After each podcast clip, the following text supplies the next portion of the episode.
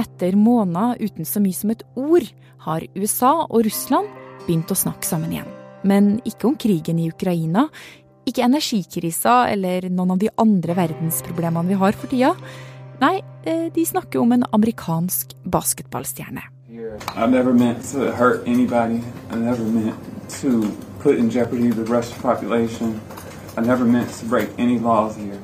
Og grunnen til at stormakta nå snakker om akkurat hun, den finner vi mellom rullekofferter og bager på en flyplass i Moskva i februar. Dette er jo en historie som både inneholder stormaktsspill, en bartemann som bare kalles for dødens kjøpmann, litt cannabis og ikke minst en av verdens aller beste kvinnelige basketballspillere. I dag er det mandag 22. august, og jeg er Marit Eriksdatter Gjelland. Og du hører på Forklart. Med sine karakteristiske lyse og mørke rastafletter og 206 cm så tårner Britney Griner over resten av passasjerene på flyplassen i Moskva. Men det hun ikke vet, det er at hun snart skal bli en brikke i et eh, storpolitisk eh, spill. Pål Strande Gamlemoen, du er journalist her i Aftenposten, og Britney Griner Altså, hun er ingen hvem som helst. Hva er det hun er kjent for? Altså, først og fremst så er hun en av eh, verdens beste kvinnelige basketballspillere. A game changer is coming to Phoenix. She's six foot eight, with a wingspan of seven feet four inches. Hun har vunnet eh, WNBA-mesterskapet, altså det er den kvinnelige motparten til herrenes NBA, altså den største scenen i basketballverdenen. Brittany Griner. Hun har eh, vunnet eh, diverse individuelle utmerkelser, altså toppskårertitler, hun har toppet defensivstatistikker, hun har to OL-gull. Hun har rett og slett opplevd veldig mye på basketballbanen. Eh, og i tillegg så Altså, noe av det mest spektakulære i basketballen, det er jo når man tar ballen i hendene og hopper opp over kurven og smeller ballen ned i kurven, altså dunking. Eh, av høyden så er jo ikke det så vanlig blant eh, kvinnene. Men eh, Griner hun er en av få som faktisk får til det. Britney's just just paving the way. She's carving a new path. Uh, obviously, she has a lot of talent. Um, she brings so much uh, to the table. Men Griner hun er mer enn en basketballspiller. Hun er også den første skeive idrettsutøveren som har fått en sponsoravtale med Nike. Men selv om hun er en stor og viktig spiller, så må Griner, som mange andre kvinnelige basketballspillere i USA, også spille kamper i Russland. Altså, som du sier, så hun er en stor basketballstjerne, men så er det jo dessverre slik at kvinnebasketen den har ikke samme status som herrebasketen. Eh, altså, de største stjernene i eh, guttas NBA, de tjener Altså, de har jo mange millioner følgere på sosiale medier. Til sammenligning så har Britney Griner knapt en halv million på Instagram. Og eh, lønningene er det jo også stor forskjell på. Eh, altså, Britney Griner, hun Det sies at hun tjener eh, rundt to millioner i året i USA. Det er jo nok til eh, smør på skiva, det, men eh, det er ikke sammenlignbart med det hennes mannlige kollegaer gjør. Og av den grunn så velger Griner og flere av hennes eh, kvinnelige kollegaer de velger å reise til eh, utlandet, som oftest da Russland eller Kina, for å tjene litt mer utenfor den amerikanske sesongen. På hvilken måte da? De siste årene så har hun flere ganger utenfor den amerikanske sesongen så har hun spilt for eh, Jekaterinburg i Russland, og der har hun tjent vesentlig mer enn hva hun har gjort i USA. Og hun har jo selvfølgelig også kunnet bidra til at de har hatt uh, suksess. Ja, og det er også grunnen til at hun setter seg på et fly fra New York til Moskva. Og den 17. februar lander hun på russisk jord. Og det her skal bli ganske skjebnesvangert. For snart blir hun og trillekofferten stoppa. Og eh, det disse russiske tjenestemennene da finner, det er en beholder med cannabisolje. Dette har Griner fått eh, medisinsk fritak for hjemme i USA, men det er ulovlig i Russland. Og eh, Griner blir da anholdt, og dette skal eh, ikke bare bli et personlig mareritt for henne, men det åpner også opp for eh, et storpolitisk eh, spill. Russia has launched attacks on multiple cities. The largest invasion of a neighboring country in Europe since World War II. Freden på vårt kontinent er blitt knust. Vi har nå krig i Europa i et omfang vi trodde hørte historien til, sier Nato-sjef Jens Stoltenberg. For bare ei uke etter at Britney Griner lander på flyplassen i Moskva, så invaderer Russland Ukraina. Og med det er basketballstjerna blitt storpolitikk.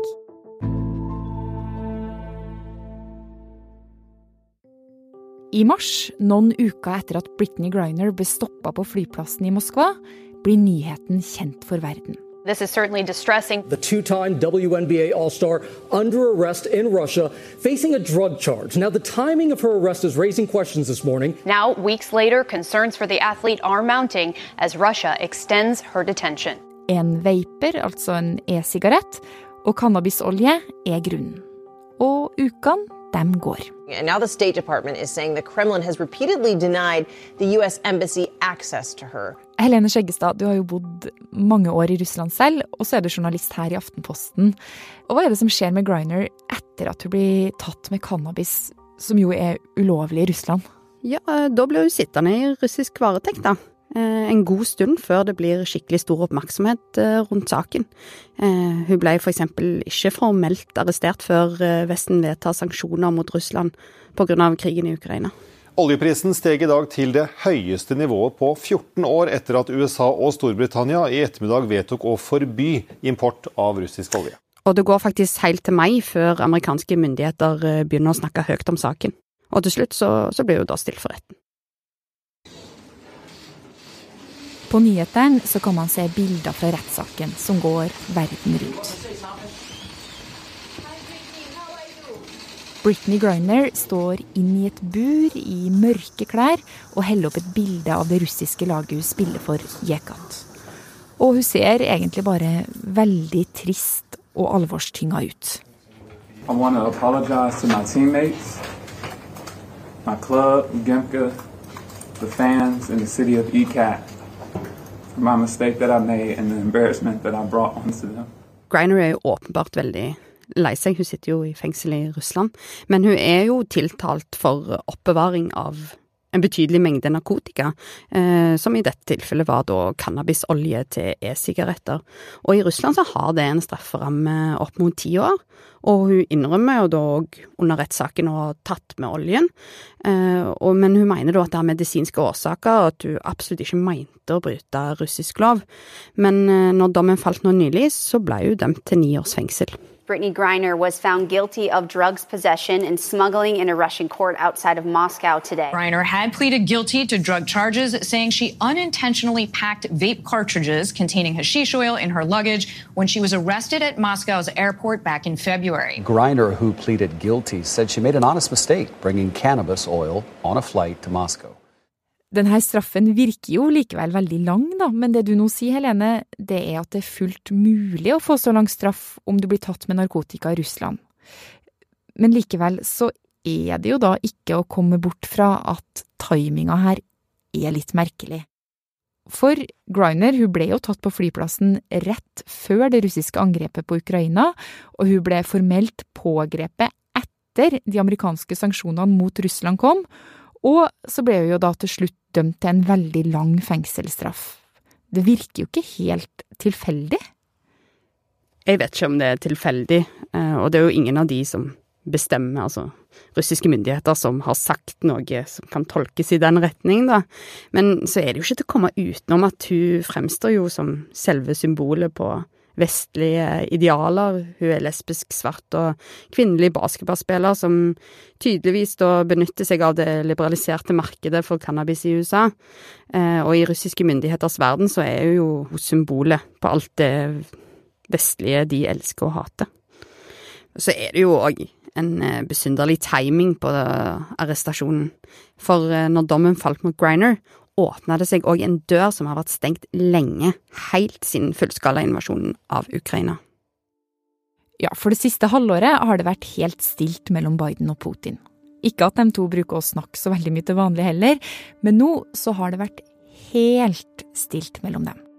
For Russland og USA har faktisk en egen direktelinje som går utenom diplomati, FN og toppmøter. Ei linje som går rett fra Biden-ledelsen til Putin og Kreml. Ei linje som ble oppretta etter at de to nesten starta en atomkrig på 60-tallet, kjent som Cuba-krisen. Ei linje som ble oppretta for at de to ikke skulle sprenge verden i filla. Og det er denne linja det nå har vært stilt på et halvår. Helt til nå. Og på bordet ligger tre personer. En amerikansk spion, Britney Griner og dødens kjøpmann. Ja, altså, dette persongalleriet er jo som henta fra en Hollywood-film. Eller faktisk så har det jo blitt laga en Hollywood-film basert på en av de involverte. Selling guns is like selling vacuum cleaners. You make calls, pound the pavement. I supply to every army but the Salvation Army. For mens eh, amerikanerne vil ha hjem basketballstjerna si og en spiondømt eksmilitær, så vil Russland ha hjem han som kalles eh, dødens kjøpmann. You know, War, it you. It.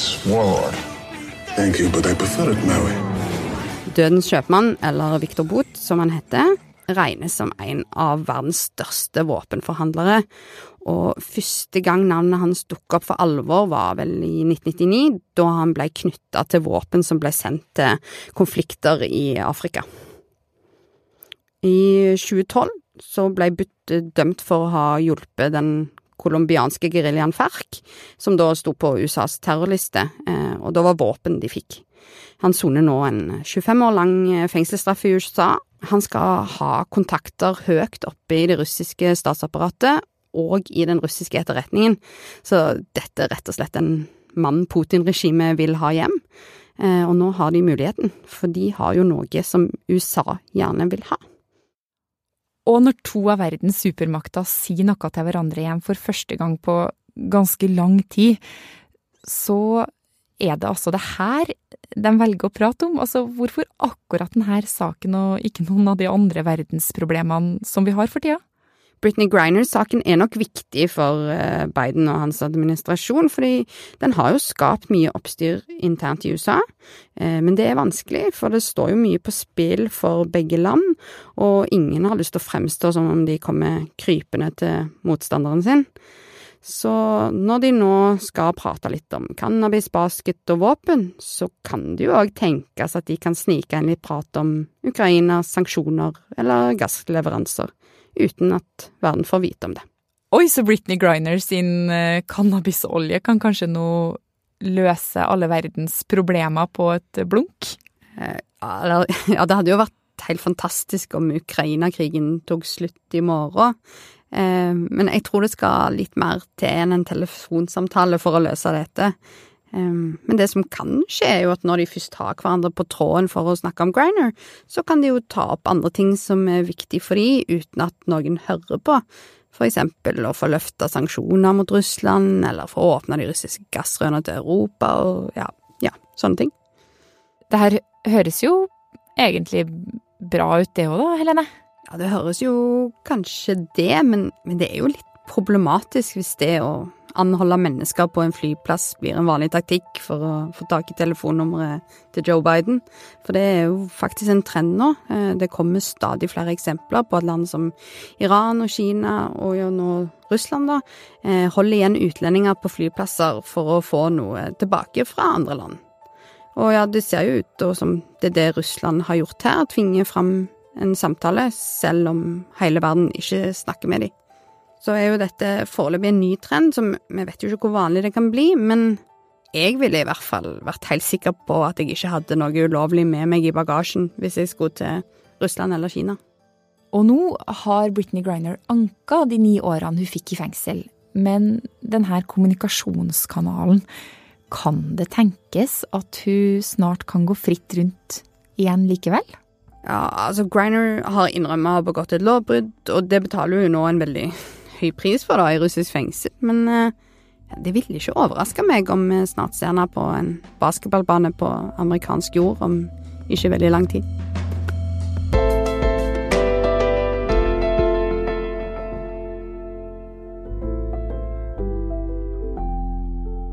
Det er Helene Skjeggestad og Pål Strande Gamlemoen som har vært med oss i denne episoden. Lyden du hørte, var fra nyhetsbyrået AP, Phoenix Mercury, NRK, NBC, ABC, Good Morning America, ESPN, CBS og traileren til Lord of War.